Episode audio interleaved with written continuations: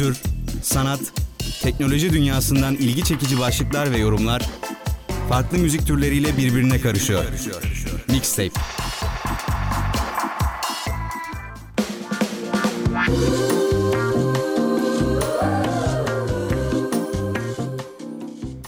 Radyodan herkese merhaba. Bugün Mixtape'in ilk bölümüyle ben Kutay Altunkaynak sizlerin karşısındayım. Öncelikle ilk bölümümüz olduğu için Mixtape nasıl bir program olacak bundan bahsetmek istiyorum. Zaten isminden de belli Mixtape karışık kaset demek. Ama bu bir müzik programı olmayacak. Öncelikle bunu söylemem gerekiyor sanırım. Tabii ki içinde bolca müzik olacak. Hatta benim tarzım olan müzikler olacak. Ee, tamamen kişisel bir playlistim var. Ee, bir yerden aldığım bir playlist değil yani. Ne zaman e, ne istersem, modum neyse ona göre çalacağım. Umarım sizin de hoşunuza gidecek diye düşünüyorum. Dediğim gibi sadece bir müzik programı değil.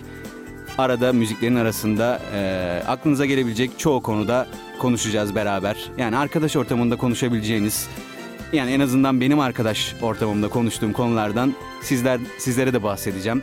Umarım siz de arkadaş ortamlarınızda bu konulardan konuşuyorsunuzdur. Böylece bu programı da bir arkadaşınız olarak görüp dinlerseniz benim için çok sevindirici olur. Nelerden bahsedeceğiz? Kısaca aklıma gelenler kültür, sanat, bilim, teknoloji konularında. Ufak haberler olabilir. Yeni çıkan e, oyunlar, kitaplar, filmler konusunda sizlerle konuşabiliriz. Burada tabii tek başıma yaptığım için programı kendi kendime konuşuyor oluyorum aslında ama tabii sizlerin de dinlediğinizi varsayarak size güzel filmler, kitaplar önermek istiyorum program süresince. Ya da işte dediğim gibi çaldığım şarkılardan umarım sizin sevebileceğiniz şarkılar olur. Program aşağı yukarı böyle olacak. Ee, güzel bir program dönemi geçirmemizi istiyorum. Umarım program sizin için gerçekten dinlenebilir bir program olur. Şimdilik programla ilgili anlatabileceklerim bu kadar. Hemen bir şarkıyla başlayalım. Onun dönüşünde sizlere çok ilginç aslında biraz da komik olan bir haber okuyacağım. Riley Ritchie'den Stronger Than Ever geliyor.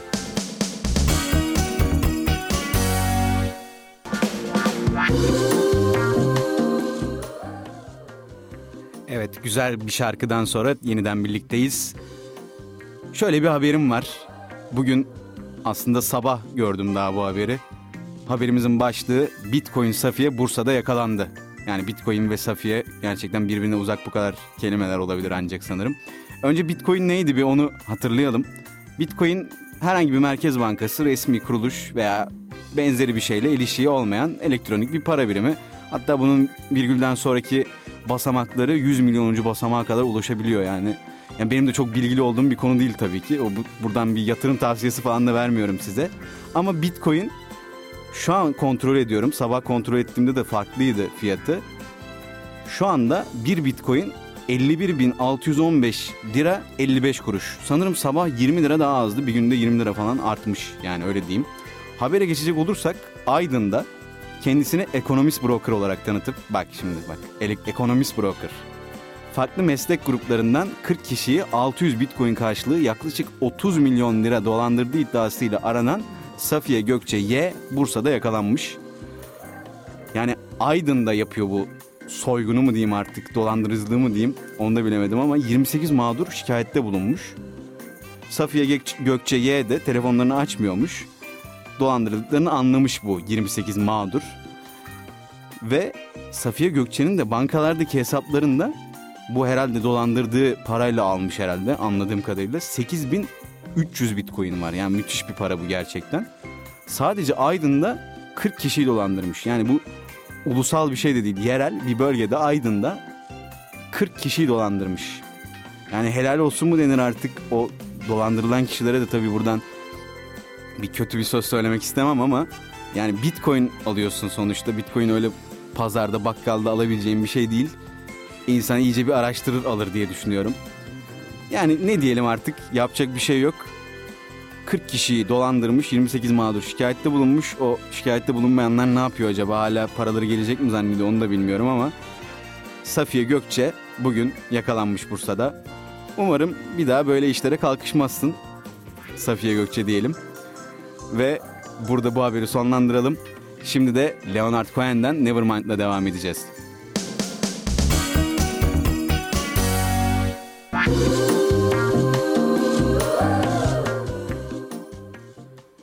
Evet bu güzel Leonard Cohen şarkısından sonra yine birlikteyiz. Bu arada Leonard Cohen'i gerçekten çok severim.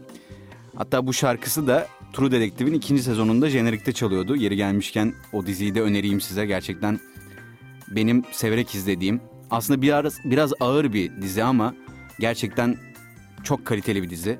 O yüzden eğer böyle ağır polisiyeleri seviyorsanız mutlaka tavsiye ederim, izlemenizi öneririm. Bundan sonra aslında yine dizilerle ilgili bir konu tabii ki. Ee, güncel bir söylenti var. Prime Video'nun, Amazon Prime Video'nun Türkiye pazarına gireceğiyle alakalı. Tabii Prime Video şu anda Türkçe içerik sunuyor bizlere. Yani Netflix gibi tabii yerli içerikler üretmiyor Türkiye pazarında olmadığı için ama atıyorum e, bir Jack Ryan diye bir dizisi var Amazon Prime'ın. Orada Türkçe altyazı seçeneği mevcut. Diğer filmlerinde ve dizilerinde de öyle. Aylıkta ilk 6 ay sanırım 3 euro gibi ondan sonrasında da 6 euro gibi bir fiyatlandırması var. Türkiye pazarında olmadığı için fiyatlandırma da tabii euro üzerinden. Bunlarla ilgili konuşmak istedim aslında ben şu an. Çünkü artık televizyondan biraz kopma dönemi artık iyice belirgin olmaya başladı. Zaten birkaç senedir böyle bir durum var ama artık gerçekten bağlar kopuyor gibi. Yani televizyonda da tabii çok kaliteli işler oluyor ama artık internet işleri özellikle ülkemizde bu sanırım böyle olmaya başladı. Sansür veya bir çeşit imkansızlıklardan neden bir çeşit imkansızlıklar dolayısıyla internet işleri daha iyi gibi bir algı var aslında. Yani atıyorum neler var? Şahsiyet var, masum var. Bu tarz internet işleri bak ikisinde de Haluk Bilginer oynuyor. Gerçekten çok severim Haluk Bilginer'i de.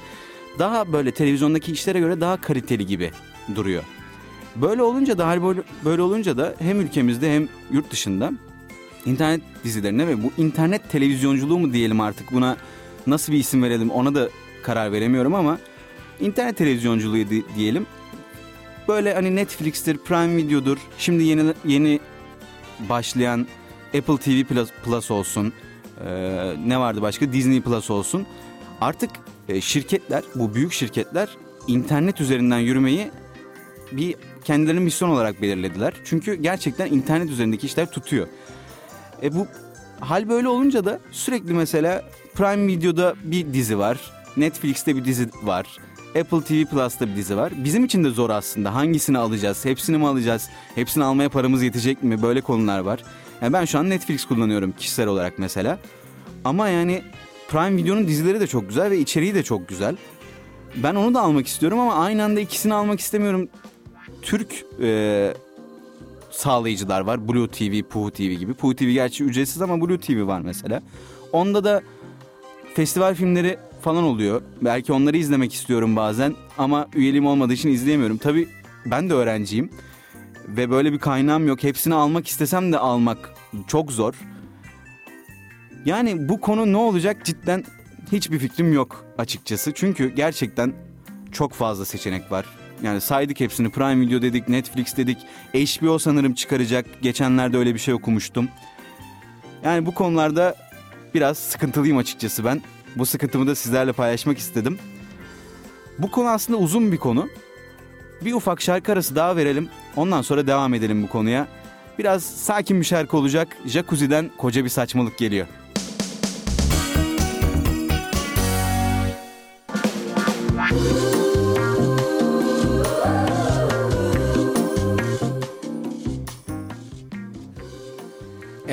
Yine bir şarkıdan da sonra birlikteyiz. Konumuza devam edelim. Aslında biraz da e, Türkiye'deki bu internet yayıncılığından bahsetmek istiyorum. Mesela bu senenin başında Jet Sosyete yayına başlamıştı Pu TV'de. Normalde TV8'de yayınlanıyordu yanlış hatırlamıyorsam. Bu sene artık TV8'de yayınlanan e, proje Pu TV'ye geçti. Yani ücretsiz bir platforma geçti aslında. Ve bu aslında sanırım şeyden de kaynaklı. Sonuçta dizi süreleri ülkemizde çok yüksek. 3 saate kadar çıkıyor artık sanırım. Ben çok dizi izlemiyorum ee, güncel olarak. İzlediğim Türk dizileri oldu zamanında ama gerçekten güncel olarak her hafta oturup o gün oturup 8'den 12'ye kadar bir dizi izlemek gerçekten her insanın yapabileceği bir şey değil. Buna vakit ayırmak oldukça zor bir şey. Sanırım bunun da etkisiyle hem e, dizinin süresini düşürmek hem de dizinin süresini düşürürken işte kalitesini artırmak amaçlı Jet Society'de mesela Pooh TV'ye geçti diye tahmin ediyorum. Böyle tabii güzel projelerimiz zaman sıkıntısından dolayı bazen gerçekten o güzelliğinden uzaklaşabiliyor. O yüzden bu adım Jet Society'nin attığı adım diğer dizilere de umarım örnek olur. Tabii parasal konuları biz bilemeyiz. O, o konuda yorum yapamam ama gerçekten kaliteli dizilerimiz oldukça ve süreleri 3 saatten daha aza indirgendikçe hani hemen 40 dakikalara düşürelim de demiyorum. Eskisi gibi bir, bir buçuk saat falan olsa bile bizim için yeterli aslında. Böyle oldukça aslında Türkiye'deki sektör de biraz daha ileri gider diye düşünüyorum. Ya bu sıralar gerçekten e, medya patronları mı diyeyim artık, medyanın içindeki insanlar mı diyeyim. Mesela Acun Ilıcalı bir proje başlatmış, Exatlon Türkiye diye. Kaç taneydi? 18 tane YouTuber'ı alıp bir eve koyuyor. Yine böyle Survivor mantığında aslında ama kendi formatı olduğu için. Bunu da internette yayınlayacak sanırım. Tabii bu başarısına bağlı bir şey sanırım. Acun Ilıcalı'nın kafasında ne var bilmiyorum. Aslında söylediklerimizde de tezat olacak ama belki de internette çok başarılı olursa proje alıp televizyonda yayınlamaya başlayacak. Tabii bilemiyoruz onu ama böyle bir şey var. Hatta sunucusu da Exatlon Türkiye'nin sanırım Orkun Işıtmak. Burada notlarıma da bir bakayım. Evet Orkun Işıtmak'mış. Yani tabii ben oturup bunu izlemem ama izleyecek bir sürü kişi var. Hatta benim tanıdığım bir sürü kişi de var. Yani mutlaka tutacaktır bu bence ülkemizde. Çünkü genç kitle gerçekten çok fazla ve e, böyle şeyler istiyorlar. Böyle ürünler çıkmasını istiyorlar. Bakalım başarılı olacak mı? Belki ileriki programlarımızda göreceğiz bunu. Konuşacağız üstüne. Onun dışında yeni oluşumlardan bahsettik. Yine yurt dışına globale dönelim. Ee, ne vardı? Disney Plus vardı. Bir de Apple TV Plus vardı. Tabii bunlar çıktı. Sanırım Apple TV Plus çıktı. Disney Plus da önümüzdeki günlerde kullanıma sunulacak sanırım. Apple TV Plus çıktı ama tabii ki ülkemizde yok şu anda. Ne zaman geleceğini de bilmiyorum. Onunla ilgili bir haber aradım ama bulamadım. Şu anda ama aslında 40 dilde altyazı ve dublaj imkanı sunuyormuş. Ülkemizde hala yok. Sebebi nedir bilmiyorum ama keşke olsa. Tabii ki böyle e, platformların bir deneme süresi de oluyor. Size zaten ilk ay ücretsiz ya da indirimli olarak sunuyorlar. Yani çıktıkça alıp aslında denemek lazım. İçeriklere bir bakmak lazım. Ne kadar sizi memnun edebilir onu bir görmek lazım. Ama dediğim gibi şu anda Türkiye'de yok Apple TV e, Plus. Netflix ve Amazon şu anda aslında iki büyük dağıtıcı internet konusunda ve Netflix tabi Amazon'dan daha iyi şu anda görünen o. Bunlara bir rakip olarak çıktı Apple TV Plus. E, Disney Plus da Apple TV ile Plus'la aynı zamanda çıktığı için sanki ikisi de bir e, rekabet halinde olacak gibi gözüküyor. Tabi bu hani bizim için hangisini alalım diye bir dert olsa da aslında bu platformlar birbiriyle rekabet ettikleri için çıkacak olan içerikler de sanırım doyurucu olacaktır. Öyle düşünüyorum. Yani güzel içerikler bizi bekliyor. Tabi nasıl izleyeceğiz ülkemizde olmadığı için onu bilemiyorum. Ama bir yolunu buluruz diye düşünüyorum. İzlenir yani mutlaka. Ee, yani Disney Plus ve Apple TV Plus'tan da bahsettik. Benim söyleyeceklerim bu kadar şimdilik bu konuda ama gerçekten bu uzun bir konu. E, ileride programlarımızda aklımıza geldikçe yine bundan bahsederiz. Belki de e, dizilerini izleme fırsatımız olursa onlardan konuşuruz. E, şimdilik ama bu kadar olacak. Hemen bir şarkı arası daha verelim. Ardından yine birlikte olacağız. Different Kind of Blues geliyor. Çok sevdiğim bir şarkıdır.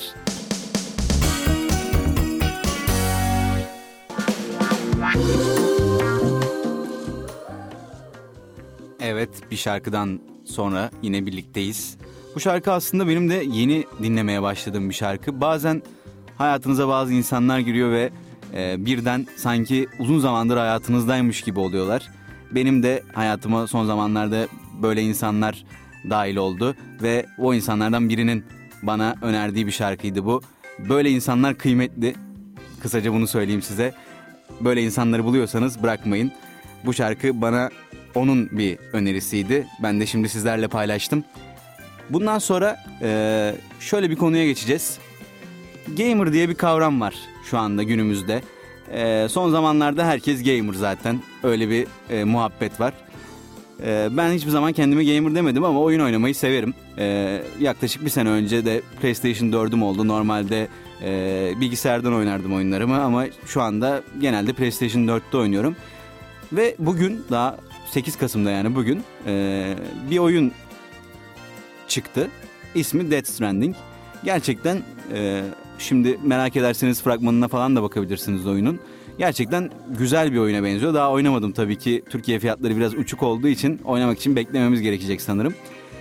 Ama biraz bahsetmek istedim bu oyundan çünkü gerçekten önemli bir oyun. Ee, biliyorsunuz artık e, oyunlarda bile normal bildiğimiz sinema oyuncuları, dizi oyuncuları oynadığı için bu oyunların da cazibesi biraz arttı aslında. Bu oyunda da e, ana karakterimiz var. Sam Bridges ismi. E, karakteri de Walking Dead dizisinde tanıdığımız Daryl rolünde tanıdığımız Norman Reedus hayat veriyor.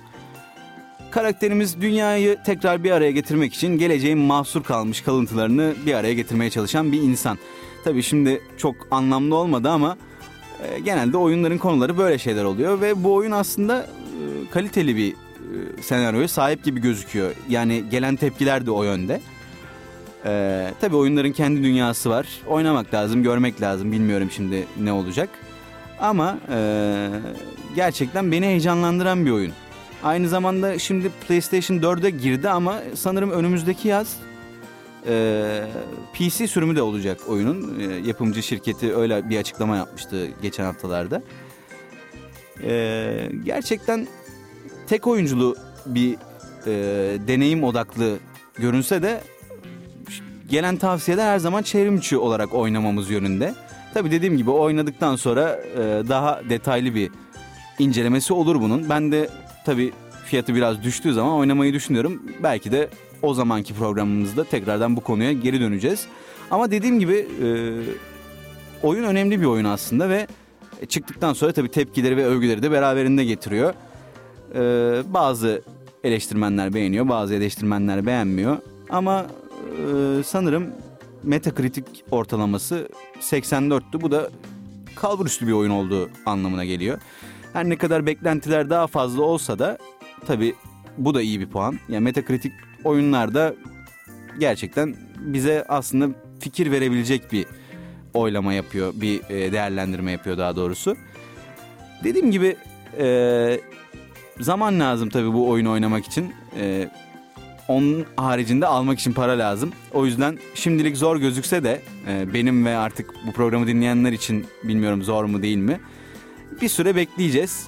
E, incelemeleri okuyacağız. Belki YouTube'dan biraz bakarız. Bu oyunların yayıncıları oluyor tabii ki. Onlardan bakarız. Hoşumuza giderse indirime girdiği zaman alırız. Yani ben almayı düşünüyorum aslında ama tabii indirimi bekleyeceğim dediğim gibi. E, oynadıktan sonra yine daha detaylı bir şekilde konuşuruz bu oyunu. Şimdilik bu kadar bilgi verelim ve Athena'dan Sakla Beni ile devam edelim.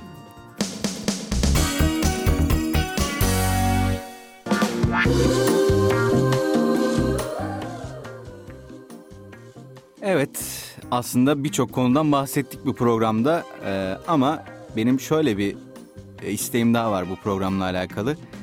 Ben mümkün olduğunca tiyatroya e, ve sinemaya giden bir insanım. E, vakit bulduğum zaman zaten bölümümde sinema televizyon tabii ki sinemaya daha fazla gidiyorum.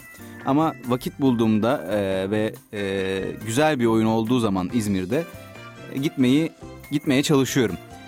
E, pazartesi günü bir oyuna gideceğim e, Kundakçı diye. Size bundan bahsetmek istiyorum biraz. Aslında e, şimdi yakın tarihte olduğu için bundan bahsedeceğim ama e, dediğim gibi ben tiyatro oyunlarına da çok ilgili olduğum için her hafta olmasa da arada böyle İzmir'de olsun, e, daha önce ya da İzmir'de izlediğim ve şu anda devam eden oyunlar olsun. Bunlarla ilgili sizlere e, birkaç bilgi vereceğim.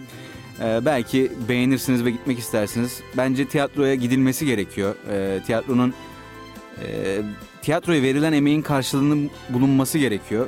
Bunu düşünüyorum ben, bunu savunuyorum. O yüzden böyle bir bölüm olsun istiyorum programımda. dediğim gibi Pazartesi günü Kundakçı diye bir oyuna gideceğim ben. Ee, İzmir Sanat Merkezi'nde. Ee, bundan bahsedeceğim biraz. Ee, biletleri de hala ulaşılabilir durumda. Eğer dinliyorsanız ve İzmir'deyseniz bence gitmelisiniz bu oyuna. Benim aldığım e, yorumlar yani okuduğum yorumlar, okuduğum incelemeler şu anda hep iyi durumdaydı. O yüzden zaten e, bu e, oyuna gitmek istedim.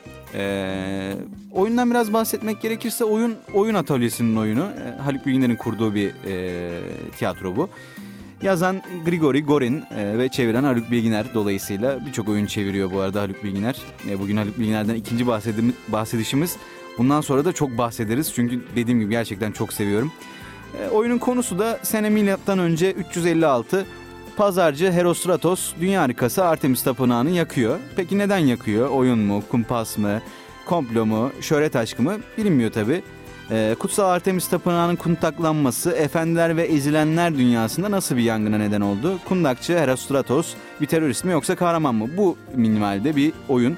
Ee, dediğim gibi birçok inceleme ve yorum okudum bu oyunla alakalı. Genelde zaten e, bir filme gideceksem, bir tiyatro oyununa gideceksem, bir teknolojik alet alacaksam, kitap alacaksam genelde interneti kullanıyorum e, bu ürünü almadan önce. Çünkü internette gerçekten tabi bazı yorumlar oldukça saçma olsa da gerçekten aradan güzel şeyler de çıkabiliyor. Bir şey alırken size e, fikir verebiliyor. Genelde bir şeye bakmadan almamayı tercih ediyorum. Araştırmadan almamayı tercih ediyorum. Yine aynı şey oldu bu konuda da bu oyuna bilet almadan önce tabii gittim e, yorumlarını okudum. Yani genelde dediğim gibi e, güzel yorumlar vardı. Birkaç yorumu okuyayım mesela bir e, tiyatro sever. Oyun inanılmaz akıcı ve keyifli. Tiyatroya çok gitmeyen arkadaşlarımı götürmüş olmama rağmen inanılmaz beğendik. Kadroda inanılmaz dinamik demiş. Eee bir başka tiyatro sever oyun atölyesinin temposu bir an bile düşmeyen sıcacık oyunu demiş. Kahkaya boğuyor size demiş. Ve nispeten ucuz fiyatlı demiş. Gerçekten de öyle. Fiyatı ucuz. Bakarsanız zaten görürsünüz. Öğrenciler için gayet uygun bir fiyatı var. Ee, izleyin, izlenmesine de sebep olun, mutlu olun, mutlu edin diye bir yorumda eklemiş. Ee, ben aslında aileyle yapılabilecek aktivitelerde tiyatroya gitmek, sinemaya gitmek gerçekten ön sıralarda yer alıyor bence. Bu oyuna da ailemle gideceğim. Ee, gerçekten size de öneririm. Yani aileyle gerçekten bir tiyatro oyununa gitmek size iyi hissettiriyor. Mutlu oluyorsunuz oyundan çıktıktan sonra. Oyun kötü bile olsa gerçekten o bir şeyler yapmış olmanın, bir sanata bulaşmış olmanın etkisi sizi e, sarıyor. Öyle diyeyim size. E, en son yani çok da tabii her her hafta her ay ailesiyle bir tiyatro oyununa giden biri gibi konuştum ama en sonda sanırım yani tiyatro oyunu demeyelim yine bir stand-up gösterisi ama Cem Yılmaz İzmir'e geldiğinde gitmiştik. Gerçekten çok eğlendik. Ee, onu da öneriyorum bu arada. İstanbul'da hala gösterilerine devam ediyor. Ee, şehir dışına da çıkacaktır mutlaka tekrardan.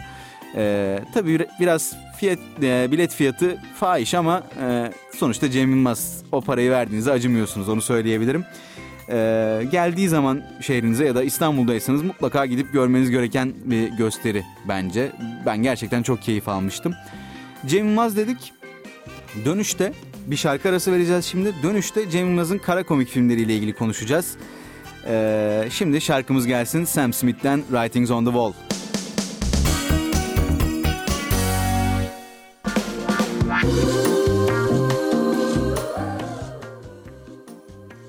Evet bir şarkı aramız daha bitti. Ee, ne demiştik? Cem Yılmaz'ın kara komik filmleriyle ilgili konuşacağız demiştik. Ee, hemen konuşmaya başlayalım kara komik filmlerle ilgili. Kara komik filmlere geçen hafta gittim. Geçen hafta gitme fırsatım oldu. Ee, biliyorsunuz daha önce duymuşsunuzdur. İki film bir arada tek bilette gibi bir e, sloganı vardı Cem Yılmaz'ın bu film e, çıkmadan önce. E, filmin yönetmeni ve senaristi Cem Yılmaz zaten e, büyük bir bölümünde de oynuyor. E, yine zaten bildiğimiz ekip var.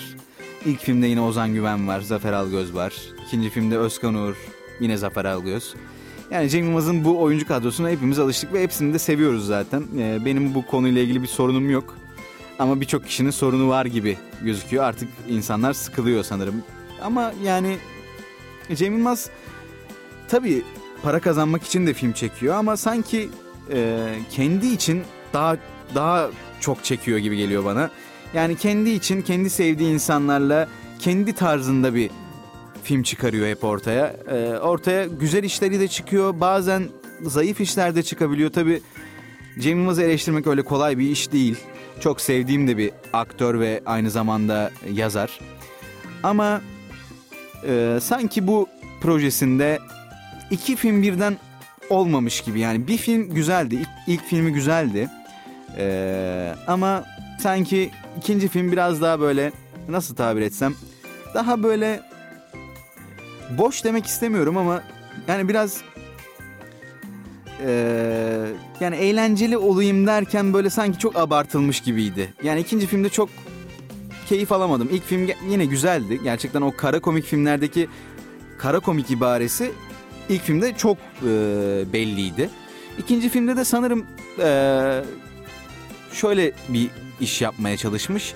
İkinci filmde de böyle çok değişik beş erkek tipi var ve gerçekten iğrenç erkek tipleri. Günümüzde de var olan erkek tipleri. Sanırım ona bir eleştiri getirip oradan bir kara komik yakalamak istemiş. Ee, yani dediğim gibi ilk, ilk iki filmde çok güzel diyemeyeceğim. Hatta ilk film de çok güzel diyemeyeceğim. Ama şu anda eleştirileri okuduğumda çok fazla e, yerin dibine sokuluyor. Öyle bir film olduğunu düşünmüyorum. Yani atıyorum mesela Atilla Dorsay e, 100 üzerinden 70 vermiş filme. Ama Kerem Akça mesela 100 üzerinden 30 vermiş. O kadar da kara komik değil demiş. E, yani eleştirmenleri de aslında iki tarafa çekmiş bir film. Yani bence güzeldi. Ama çok daha iyi olabilirdi gibi geldi bana. İzlediğimde yani ben bu filmi tekrar izlerim duygusu olmadı ve ne kadar iyi yapmış falan diye düşünmedim. Yani benim tabii şahsi fikrim bu. Ee, gişede de çok başarılı olduğunu söyleyemeyeceğim. Sanırım bu hafta üçüncü haftası oldu. Ve şu anda 650 bin seyirciye ulaşmış gözüküyor. E, Cem Yılmaz standartında tabii çok düşük bir rakam bu. Ama tabii hiçbir zaman da gişeyle ölçülemez başarı bana göre. Çünkü bugün mesela 8 Kasım Cuma günü. Evet yani bugün Recep İvedik girdi vizyona. Hatta az önce ben şarkı arasındayken telefonuma mesaj geldi. Recep İvedik 6 vizyonda diye. Ee, kahkahalarla gülüp eğlenmek için bu filmi kaçırma diye de not düşmüşler. Yani tabii şimdi Recep İvedik 6 yeni bir rekor kırar mı onu bilemem ama e, yine milyonlar tarafından izlenecek. En az bir 5-6 milyon kişi tarafından izlenecektir.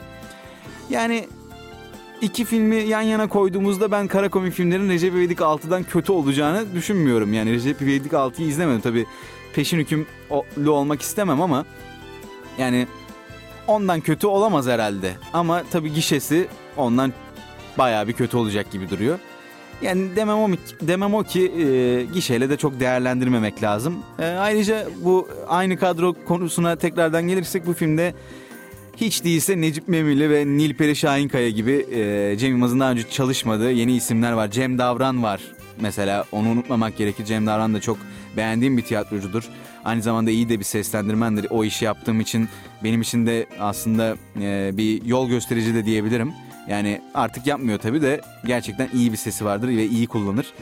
Yani Cem Davran'ı e, monte etmesi olsun filme, e, Necip Memeli'nin girmesi olsun. E, bunlar tabii güzel renklerdi. E, bunlar beğendiğim noktalardı.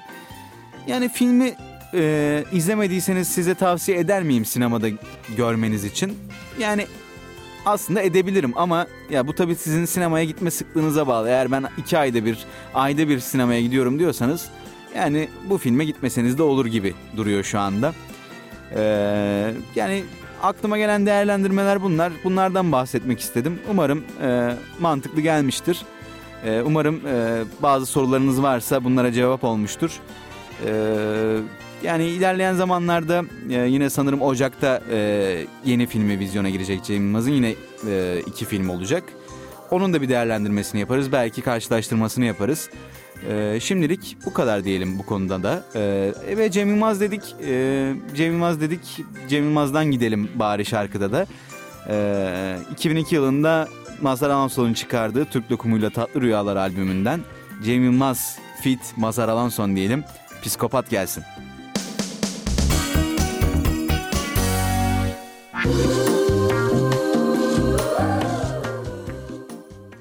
Evet yine bu da çok sevdiğim bir şarkıdır. Ee, yani sürekli aklıma geldikçe dinlediğim bir şarkı. Cem Yılmaz deyince de aklıma akla gelen bir şarkı. O yüzden bu şarkıyla devam etmek istedim. Ee, şöyle bir şey var. Ee, mixtape e, yeni bir program tabii ve radyoda yeni programlar bitmiyor mixtape'de sadece. Ee, yakında e, programa yani yayına dahil olacak bilim ve teknoloji söyleşileri ve sanatın tadı gibi programlarımız var. Yine e, doktor öğretim üyesi Mehmet Kahyaoğlu'nun ve doçent doktor Ahmet Koltuksuz'un sunumlarıyla. E, ben bilim ve teknoloji söyleşilerinin e, kayda alınırken oradaydım ve gerçekten çok önemli bir program olacak gibi duruyor. Ben çok keyif aldım dinlerken. E, ne konuşuldu mesela? Beyin ölümüyle ilgili bir şeyler konuşuldu. Kara delik e, konu edildi programda. Gerçekten güzeldi programlar. Şimdiden öneririm. Sanatın tadı da aynı şekilde yine güzel olacak bir programa benziyor.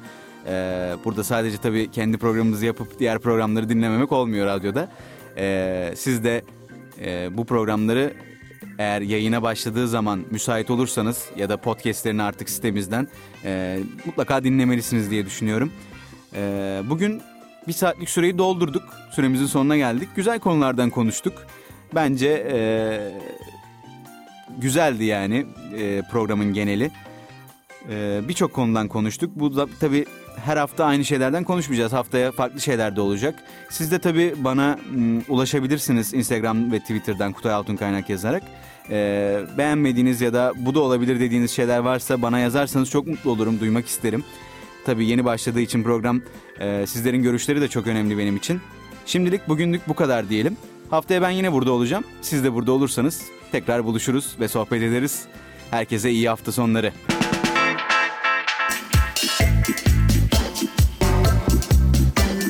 Kültür, sanat, teknoloji dünyasından ilgi çekici başlıklar ve yorumlar farklı müzik türleriyle birbirine karışıyor. Mixtape.